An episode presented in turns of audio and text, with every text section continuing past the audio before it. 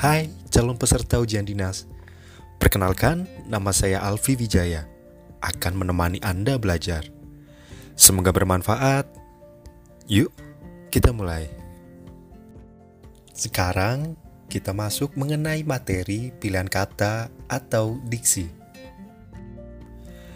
Ada ungkapan yang menyebutkan pilihan kata adalah cerminan seseorang. Ungkapan tersebut ada benarnya mengingat kata adalah unsur yang sangat penting dalam komunikasi, baik lisan maupun tulisan. Kekurang tepatan dalam pemilihan kata akan mengakibatkan komunikasi kurang bernilai dan berbobot. Akibatnya, pendengar dalam pembicaraan atau pembaca dalam teks tertulis akan menilai bahwa pembicara atau penulis tidak mampu menggunakan kosakata dengan baik. Ketidakmampuan itu kemungkinan besar disebabkan oleh kurang luasnya penguasaan kosakata dan makna katanya. Semakin sedikit penguasaan kosakata berarti semakin sempit ruang lingkup pilihan kata. Hal ini bukan berarti bahwa seorang penulis atau pembicara wajib menguasai kosakata yang terdapat dalam kamus, melainkan bagaimana seseorang itu mampu menggunakan kata secara cermat dan tepat yang jumlahnya sesuai dengan tujuan atau keperluannya. Pilihan kata atau yang lazim juga disebut diksi adalah mutu dan kelengkapan kata yang dikuasai seseorang untuk berkomunikasi. Dengan penguasaan diksi, orang mampu menggunakan secara tepat dan cermat berbagai perbedaan dan persamaan makna kata sesuai dengan tujuan dan gagasan yang akan disampaikan. Di samping itu, dengan pilihan kata yang cermat, akan diperoleh kosakata yang sesuai dengan situasi dan nilai rasa yang dimiliki pembaca dan pendengarnya.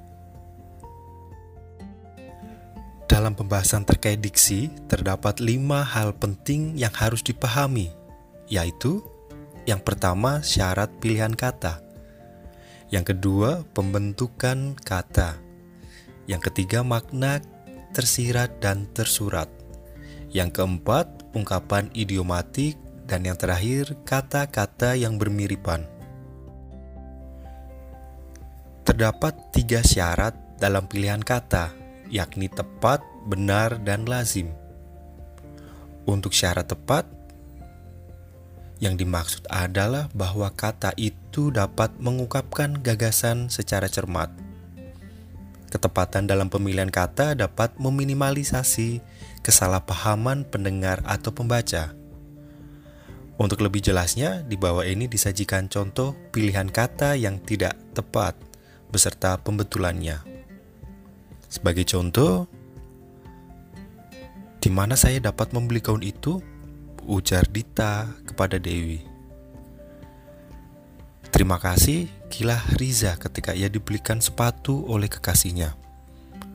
Pada kalimat satu, pemakaian kata ujar tidak tepat dan seharusnya diganti dengan kata tanya, karena kalimat tersebut merupakan kalimat tanya. Jadi kalimat pertama dengan pilihan kata yang tepat adalah Di mana saya dapat membeli gaun itu? Tanya Dita kepada Dewi. Pada kalimat kedua, pemakaian kata kilah tidak tepat karena kata kilah berarti tipu daya atau alasan. Oleh karena itu, kata kilah pada kalimat kedua seharusnya diganti dengan kata ucap atau ujar atau kata untuk menunjukkan suatu pernyataan, sehingga kalimat kedua menjadi "Terima kasih," kata Riza ketika ia dibelikan sepatu oleh kekasihnya. Syarat yang kedua adalah benar. Yang dimaksud dengan benar adalah bahwa kata itu sesuai dengan kaidah kebahasaan Pilihan kata yang benar dapat memudahkan pendengar atau pembaca dalam menyerap informasi yang disampaikan oleh pembicara atau penulis. Untuk lebih jelasnya, di bawah ini akan disajikan dua contoh pilihan kata yang tidak benar beserta pembetulannya. Kalimat pertama, saudara tidak dapat merubah jadwal pelaksanaan diklat. kalimat kedua, pengerusakan gedung itu terjadi tadi malam.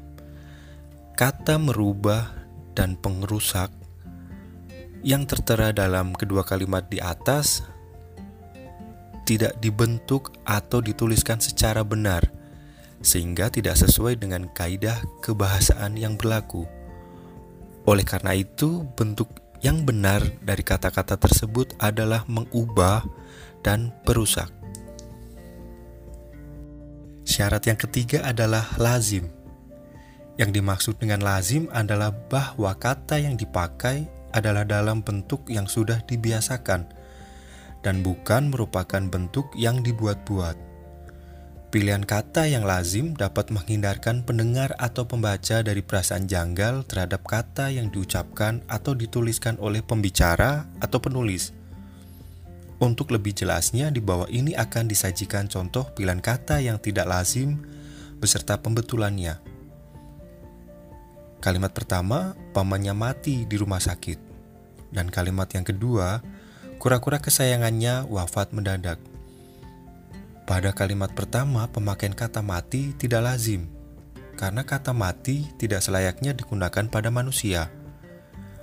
Lalu pada kalimat yang kedua, pemakaian kata wafat juga tidak lazim, karena kata wafat tidak cocok digunakan pada hewan yang sudah tidak bernyawa. Kata yang seharusnya dipilih adalah mati. Jadi, pembetulan dua kalimat tersebut adalah kalimat pertama, pamannya meninggal di rumah sakit. Kalimat kedua, kura-kura kesayangannya mati mendadak.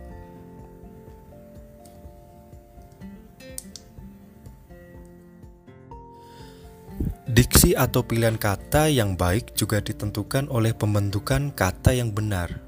Beberapa hal yang perlu diperhatikan dalam pembentukan kata ada sebagai berikut. Poin A Kata dasar yang dimulai dengan konsonan K, P, T, dan S jika didahului dengan awalan me akan mengalami pelesapan pada huruf pertama kata tersebut. Sebagai contoh, untuk konsonan K, kelola akan menjadi mengelola. Untuk konsonan P, sebagai contoh, pukul akan menjadi memukul. Sebagai contoh konsonan T, tampar akan menjadi menampar. Sebagai contoh konsonan S akan menjadi sebagai berikut. Kata salin akan menjadi menyalin. Poin B. Konsonan rangkap pada awal kata tidak melesap jika ditambah imbuhan me termasuk kata dasar yang diawali konsonan K, P, S, dan T. Sebagai contoh, kritik akan menjadi mengkritik, konsonan K tidak melesap. Transfer akan menjadi mentransfer, konsonan T tidak melesap. Selain itu, kata dasar yang dimulai konsonan C juga tidak melesap jika didahului oleh awalan me. Sebagai contoh, cubit menjadi mencubit, bukan menyubit. awalan me berubah bentuk menjadi menge jika mendahului kata dasar yang hanya memiliki satu suku kata. Sebagai contoh, tes. Jika diawali me akan menjadi mengetes. Las akan menjadi mengelas.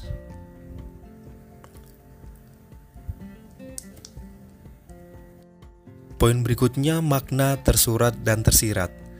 Selain berdasar pada syarat dan pembentukannya, pemilihan kata juga didasari oleh pilihan pembicara atau penulis dalam mengungkapkan atau menyembunyikan makna suatu kata.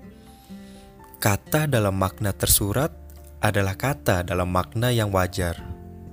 Dalam artian makna sebenarnya, yaitu sesuai dengan makna yang disandangnya tanpa tambahan makna.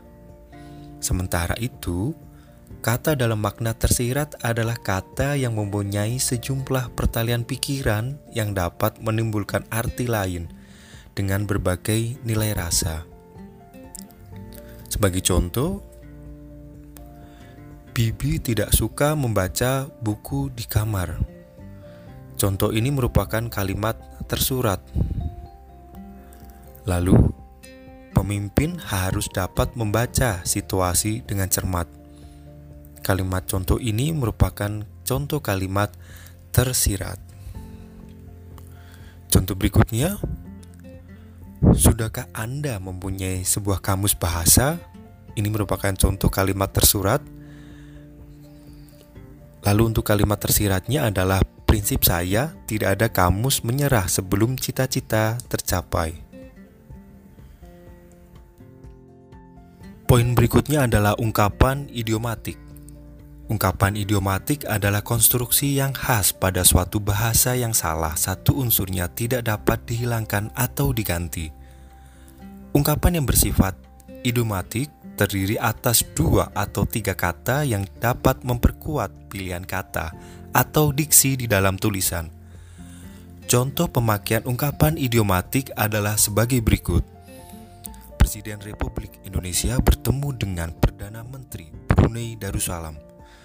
Selain contoh di atas, ada beberapa ungkapan idiomatik lainnya, yaitu sehubungan dengan, sesuai dengan, berhubungan dengan, bertepatan dengan, sejalan dengan. Ungkapan idiomatik lain yang perlu Anda perhatikan ialah sebagai berikut.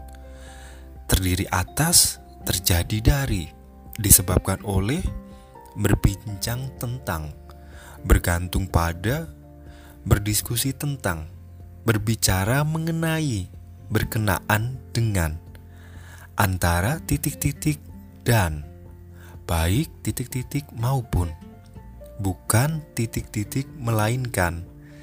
Tidak titik-titik tetapi. Dalam bahasa Indonesia terdapat kata-kata yang bermiripan. Kata-kata bermiripan bukanlah kata yang memiliki makna yang sama atau sinonim. Akan tetapi kata-kata sangat mirip baik dari segi bentuk maupun dari segi makna Kata-kata yang bermiripan tersebut adalah sebagai berikut: sesuatu dan suatu, tiap-tiap dan masing-masing, pukul dan jam, dari dan daripada, lain-lain seperti antara lain dan misalnya. Kata sesuatu dan suatu harus digunakan secara tepat. Kata sesuatu tidak diikuti kata benda, sedangkan kata suatu harus diikuti kata benda. Sebagai contoh, Rafa sedang mencari sesuatu di kamarnya. Sama halnya dengan kata sesuatu, kata tiap-tiap harus diikuti oleh kata benda, sedangkan kata masing-masing tidak boleh diikuti oleh kata benda. Sebagai contoh, tiap-tiap kelas berisi 33 siswa. Setiap manusia dewasa sudah sewajarnya memiliki prinsip masing-masing. Penggunaan kata pukul dan jam harus dilakukan secara tepat. Kata pukul digunakan untuk menunjukkan waktu, sedangkan kata jam untuk menunjukkan jangka waktu atau durasi waktu. Sebagai contoh, ujian kimia dimulai pukul 08 lebih 30 waktu Indonesia Timur. Sedangkan Pelajaran bahasa Indonesia berlangsung selama 4 jam. Kata dari dan daripada tidak sama penggunaannya. Kata dari digunakan untuk menunjukkan asal, bahan, arah, dan jarak waktu. Sementara itu, kata daripada berfungsi membandingkan. Sebagai contoh penggunaan kata dari, Kamala datang dari Manado Contoh penggunaan kata daripada jumlah peserta tur tahun ini lebih sedikit daripada tahun lalu. Meskipun kata dan lain-lain sama kedudukannya dengan kata seperti, antara lain, dan misalnya, penggunaan kata-kata itu harus dipertimbangkan secara cermat. Sebagai contoh, pembuatan peraturan itu harus melibatkan ahli kesehatan ahli kependudukan, pemilik industri, dan lain-lain. Kalimat kedua, Contohnya adalah sebagai berikut. Kantor kami memerlukan barang-barang pendukung pekerjaan seperti komputer, printer, kursi, dan meja. Untuk kalimat contoh yang terakhir adalah pembentukan peraturan itu harus melibatkan antara lain ahli kesehatan, ahli kependudukan, dan pelaku industri. Demikian sesi belajar dengan saya. Jangan lupa beri penilaian Anda di akhir sesi mata pelajaran ini. Selanjutnya akan diteruskan oleh kawan saya. Semoga sukses.